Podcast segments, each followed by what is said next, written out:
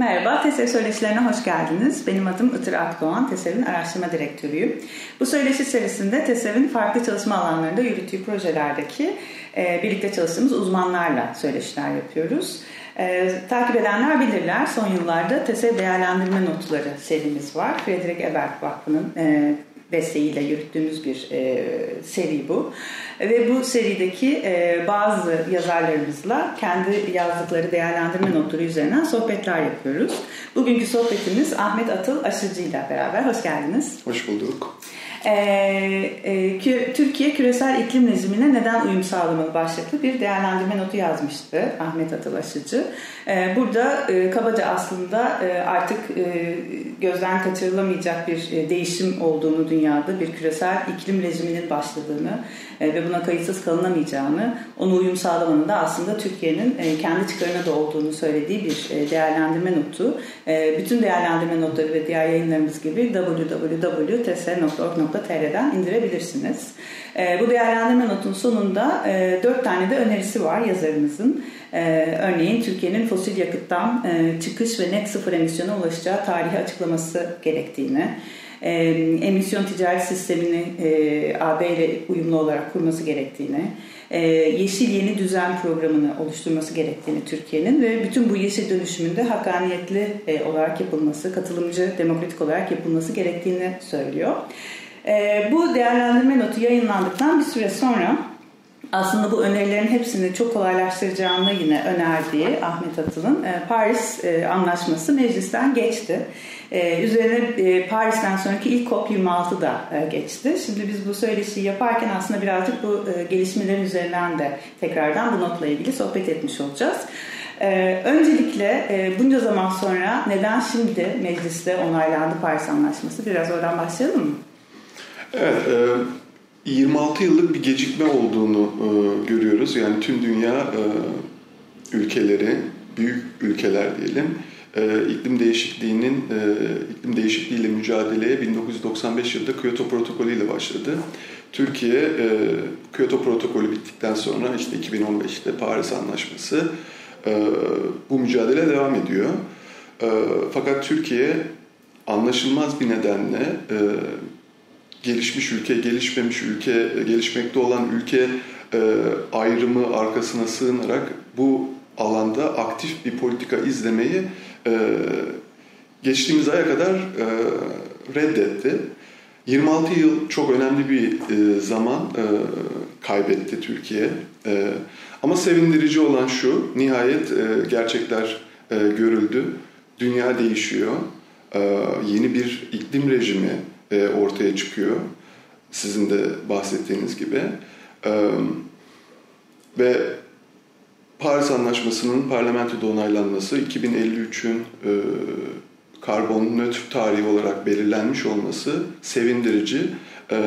Fakat her şey daha yeni başlıyor. Dolayısıyla e, içinin nasıl dolacağı bu zorlu bir süreç olacak. E, söz vermekle olmuyor. Altının iyi bir şekilde doldurulması gerekiyor. Ee, bu da dediğim gibi ancak katılımcı, e, demokratik, e, hakkaniyetli bir süreç e, ilerletmekle mümkün. Peki bu Örneğin daha şey gidersek, somut gidersek diyorsunuz ki net sıfır emisyona ulaşacağı tarihin belirlenmesi gerekiyor. Bu ilk öneriniz hatta ve Paris'in bunu kolaylaştıracağını da söylüyorsunuz. Şimdi daha çok yeni tabii onaylandı yani daha birkaç haftalık bir şeyden bahsediyoruz ama hiç başlayan bir hazırlık olduğunu biliyor musunuz? Ya da bir süreçle ilgili bir planlama yapıldığını biliyor musunuz? Yani bu gerçekten Türkiye'yi harekete geçiren bir süreç oldu mu meclisten onaylanması? Bildiğiniz süreçler var mı? Yani Aralık 2019 tarihi Türkiye için önemli herhalde. E, o tarihte e, Avrupa Komisyonu Avrupa Yeşil Düzeni programını ilan etti e, ve e, Türkiye yani birçok ülke, AB ile ticaret yapan birçok ülke e, alarma geçti diyeyim, Türkiye'de dahil. E, ondan sonra hükümet çevrelerinde hani bir hareketlenmenin başladığını görüyoruz. İşte Ticaret Bakanlığı geçtiğimiz Temmuz ayında Avrupa Yeşil Mutabakatı Eylem Planı gibi bir e, plan açıkladı. İşte 32 tane hedef var, e, bir takım hedefler var. ben hani buna baktığımda yazın taraması olduğunu görüyorum. Hani Ticaret Bakanlığımız gayet e, literatüre hakim. E, fakat hani bir çalışma sadece yazın taramasından, literatür taramasından oluşamaz. Bir e, analiz kısmının, bir uygulama kısmının da olması gerekiyor. Bunu göreceğiz. Yani yazın taraması var. E, Türkiye ne yapması gerektiğini biliyor ama bunu nasıl yapacak? Hangi kapasitelerle yapacak? E, daha bu ortada yok. E, dolayısıyla o anlamda hani e, iyi bir haber. Türkiye'nin e, sonunda olması gereken e, ülke grupları arasında yer almaya başlamış olması iyi bir haber ama e, tabii e, bu sürecin başarıyla mı e, sonuçlanacağı onu e, bu süreç içerisinde yapacaklarımız belirleyecek açıkçası. Dolayısıyla e, 2053'te net sıfıra ulaşılacağı e, söylendi. Hükümet tarafından değil ama e, hani bir takım araştırma kurumları, e, İstanbul Politikalar Merkezi ve e, Beyond Call diye bir grup geçtiğimiz ay iki tane rapor yayınlandı. Çok teknik raporlar bunlar. E, modelleme çalışmaları. 2050 yılında Türkiye'nin net sıfıra ulaşabileceğini söylüyor. 2030'da da termik santrallerin hepsinin kapatılabileceği ve Türkiye'nin kömürden çıkmasının mümkün olduğunu söylüyor. Şimdi bu sadece şey anlamında değil. E, kömür santrallerini şu günde kapatabilirsiniz ama bunun işte enerji e, üretimine çok büyük etkisi olur. Türkiye'nin büyümesini engellemeden, herhangi bir sıkıntıya, enerji sıkıntısına e, mahal vermeden e, 2030 yılında doğalgaz, termik santrallerin hepsinin kapanabileceği e, ve Türkiye'nin yoluna devam edebileceğini gösteren raporlar bunlar. Bence çok önemli. Bunları hani internette de bulabilir dinleyicilerimiz. E, hükümetin de bu raporları temel alarak politikalarını ona göre belirlemesi e, gerekiyor. Belki bu çalışmaları biraz daha ilerletmek, daha detaylandırmak e, mümkün ama biraz e, cesur olmamız gerekiyor. Bu süreçlerin peki bu bahsettiğiniz çalışmaların daha çok taze raporlar e, anladığım kadarıyla bunların e, bu ulusal katkı beyanının güncellenmesinde de etkisi olacak mı sizce? E, olacak bence. Yani şu anda e, Türkiye böyle bir çalışmanın içerisinde zaten e, Çevre Şehircilik ve İklim Değişikliği Bakanlığı hani bir gruba e, Türkiye'nin daha ciddi e, ve sorumluluğunu yansıtan bir e, indirim taahhüdü e, hazırlığı içerisinde. Evet bir önceki taahhüdümüz çok gerçek dışıydı. Bunu kimseye inandıramıyorduk zaten ve Türkiye'nin itibarını da zedeliyordu bu. Ee, bu yanlıştan dönülmüş olması da önemli. 2053'te e, net sıfıra ulaşacağını söyleyen e, bir ülkenin işte 2030'da da emisyonlarını e, artık düşürmeye başlamış olması gerekiyor. Burada da kömürden çıkış çok önemli bir katkı sağlayacaktır tabii ki. Yani şu anda hali hazırda zaten kömür santralleri e, kapalı durumda. Çünkü kömür fiyatları dünya piyasalarında o kadar yükseldi ki e, kömürden elektrik üretip de piyasaya satmak hiç karlı değil. E, dolayısıyla termik santraller şu anda zaten kapalılar. E, burada çok büyük hata yaptı Türkiye tabii. E, enerji sisteminde bu kadar termik santrallere, doğalgaz santrallerine e, ağırlık vermemesi gerekiyordu. E, ve şu anda o e, verilen yanlış kararların da bedellerini ödüyoruz aslında. E, evet. Anladım. Peki e, bu e, COP26 Paris'ten sonraki ilk e, e, COP'uydu Türkiye'nin. Oradaki e, Türkiye'nin temsilini nasıl değerlendiriyorsunuz bu yıl? Bence herhalde e, en rahat ettikleri e, koplardan bir tanesidir herhalde. Yani e, uzun yıllardır kimseyi inandıramıyordu Türkiye. E, neden gelişmekte olan ülke listesinde e, yer almaması üzerine hani kimseyi ikna edemiyordu. E, bütün iklim diplomasisini bu e, konu üzerine inşa etmişti Türkiye. E, açıkçası da işte ondan dolayı çok vakit kaybetti Türkiye. Bu yanlıştan dönülmüş olması e, ve bunun bu noktanın geride bırakılmış olması e, önemli çünkü konuşacak, üzerinde anlaşacak, müzakere edecek çok daha fazla konu var. E, ama hep bu nokta tıkıyordu. Dolayısıyla bence Türkiye heyet açısından başarılı bir e, toplantı oldu. E,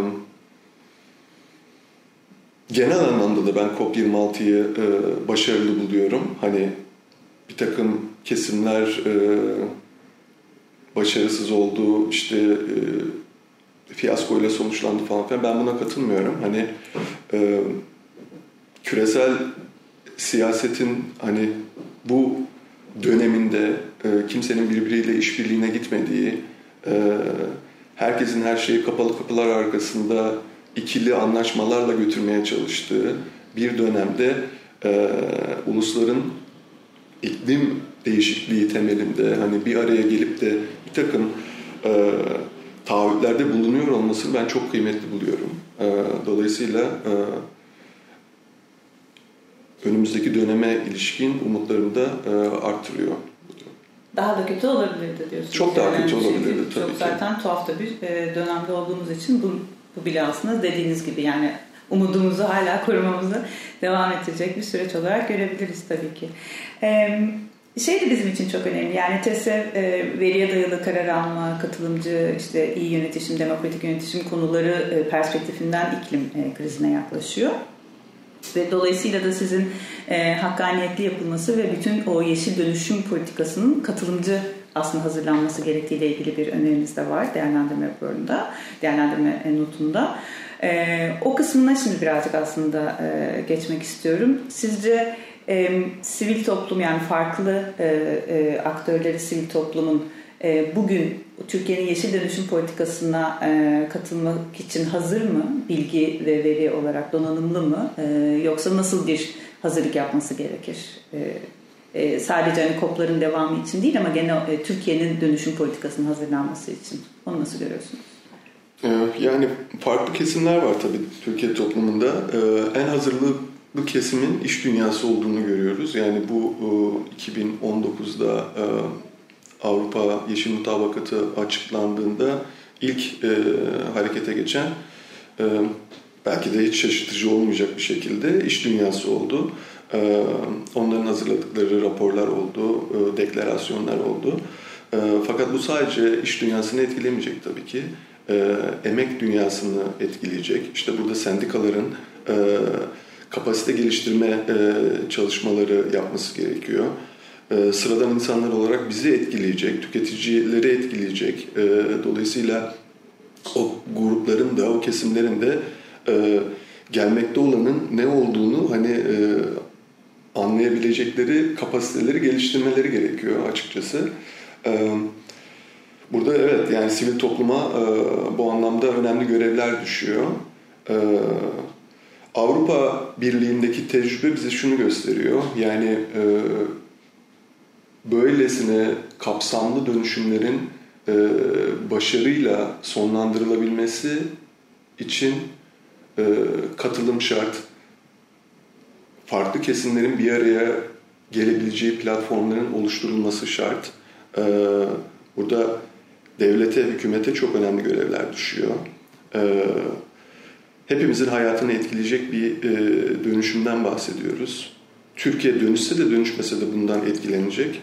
Ee, bizim dediğimiz Türkiye ancak dönüşerek e, bu değişim sürecini en az maliyetle atlatabilir. E, bunu diyoruz. Ve Türkiye'nin e, yeşil dönüşümünün e, başarılı bir şekilde ilerletilebilmesi için de böyle bir katılımcı e, süreç e, işletilmesi gerekiyor. Bugüne kadar bunu görmedik. Yani Türkiye'de zaten son dönemde birçok karar çok merkeziyetçi bir biçimde alınıyor.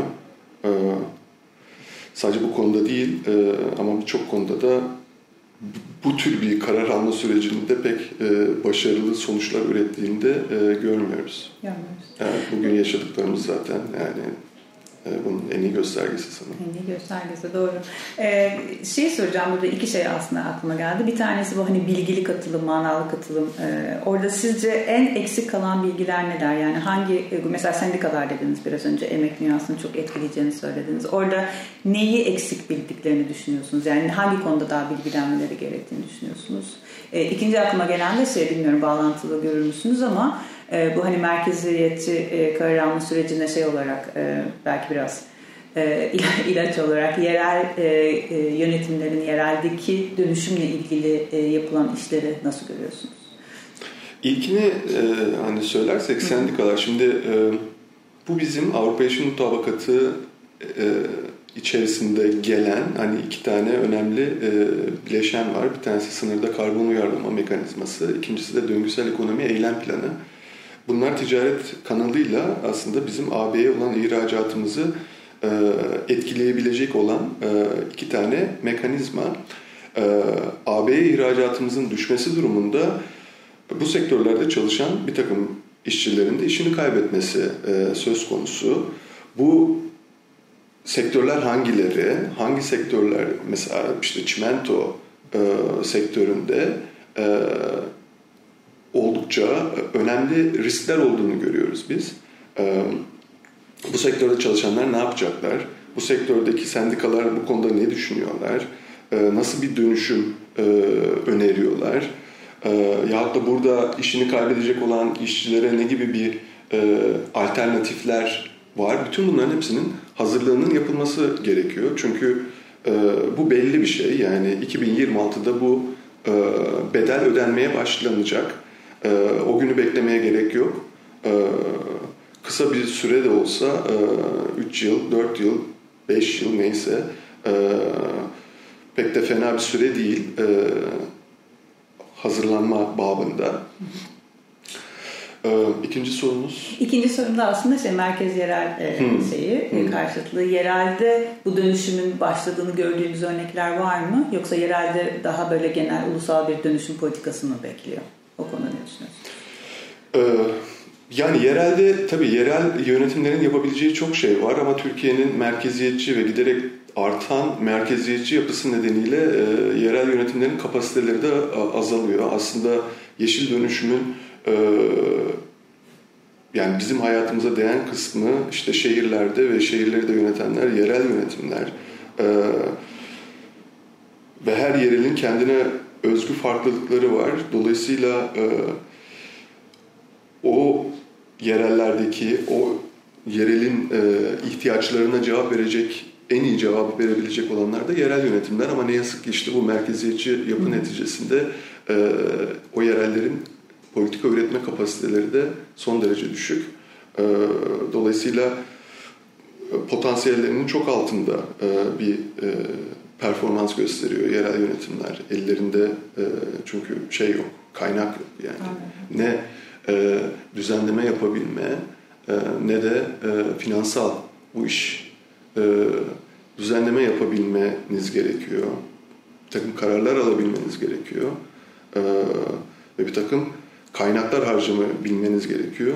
Bunun ikisi de e, son yıllarda giderek azaldı yerel yönetimlerin. Hı hı. Peki bunun e, son olarak hani e, şeye yine başladığınızda değerlendirmesinin başında hani küresel iklim rejimine uyum e, olduğu için zaten küresel bir kriz olduğu için yerel yönetimlerin e, küresel ilişkilerini nasıl görüyorsunuz? Yani bu konuyla ilgili kaynak yaratmak, bilgilenmek, ilham almak e, için işbirlikleri yapıyorlar mı? E, uluslararası ya da işte küresel ağlara e, katılıyorlar mı? O yani herhangi bir e, ulusalda bulamadığı politika karşılığı ya da kaynağı alternatif olarak küreselde bulabiliyorlar mı? Evet, Yararlanabiliyorlar yani, mı kaynaklar? E, evet, bu çok yani e, böyle oluşumlar var. Yani İKLİ var, işte Covenant of Mayors var, C40 gibi e, bir takım oluşumlar var. Bunlar e, belediye başkanlarını bir araya getiren Avrupa çapında, dünya çapında e, belediye başkanlarından ve hani e, yetkililerinden oluşan, yerel yönetimden sorumlu yetkililerden oluşan e, oluşumlar deneyim paylaşımı üzerine yani Amerika'yı yeniden keşfetmeye gerek yok. Avrupa çok uzun bir süredir çok önemli bir deneyim biriktirdi. Dünyanın birçok ülkesinden çok önemli deneyimler var. E, bu deneyimlerin e, bence değerlendirilmesi gerekiyor.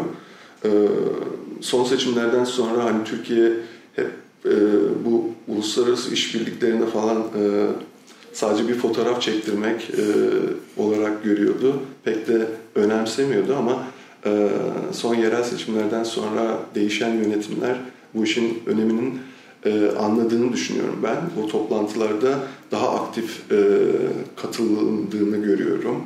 E, daha ciddi alındığını görüyorum. E, bu da bence önemli, sevindirici bir gelişme.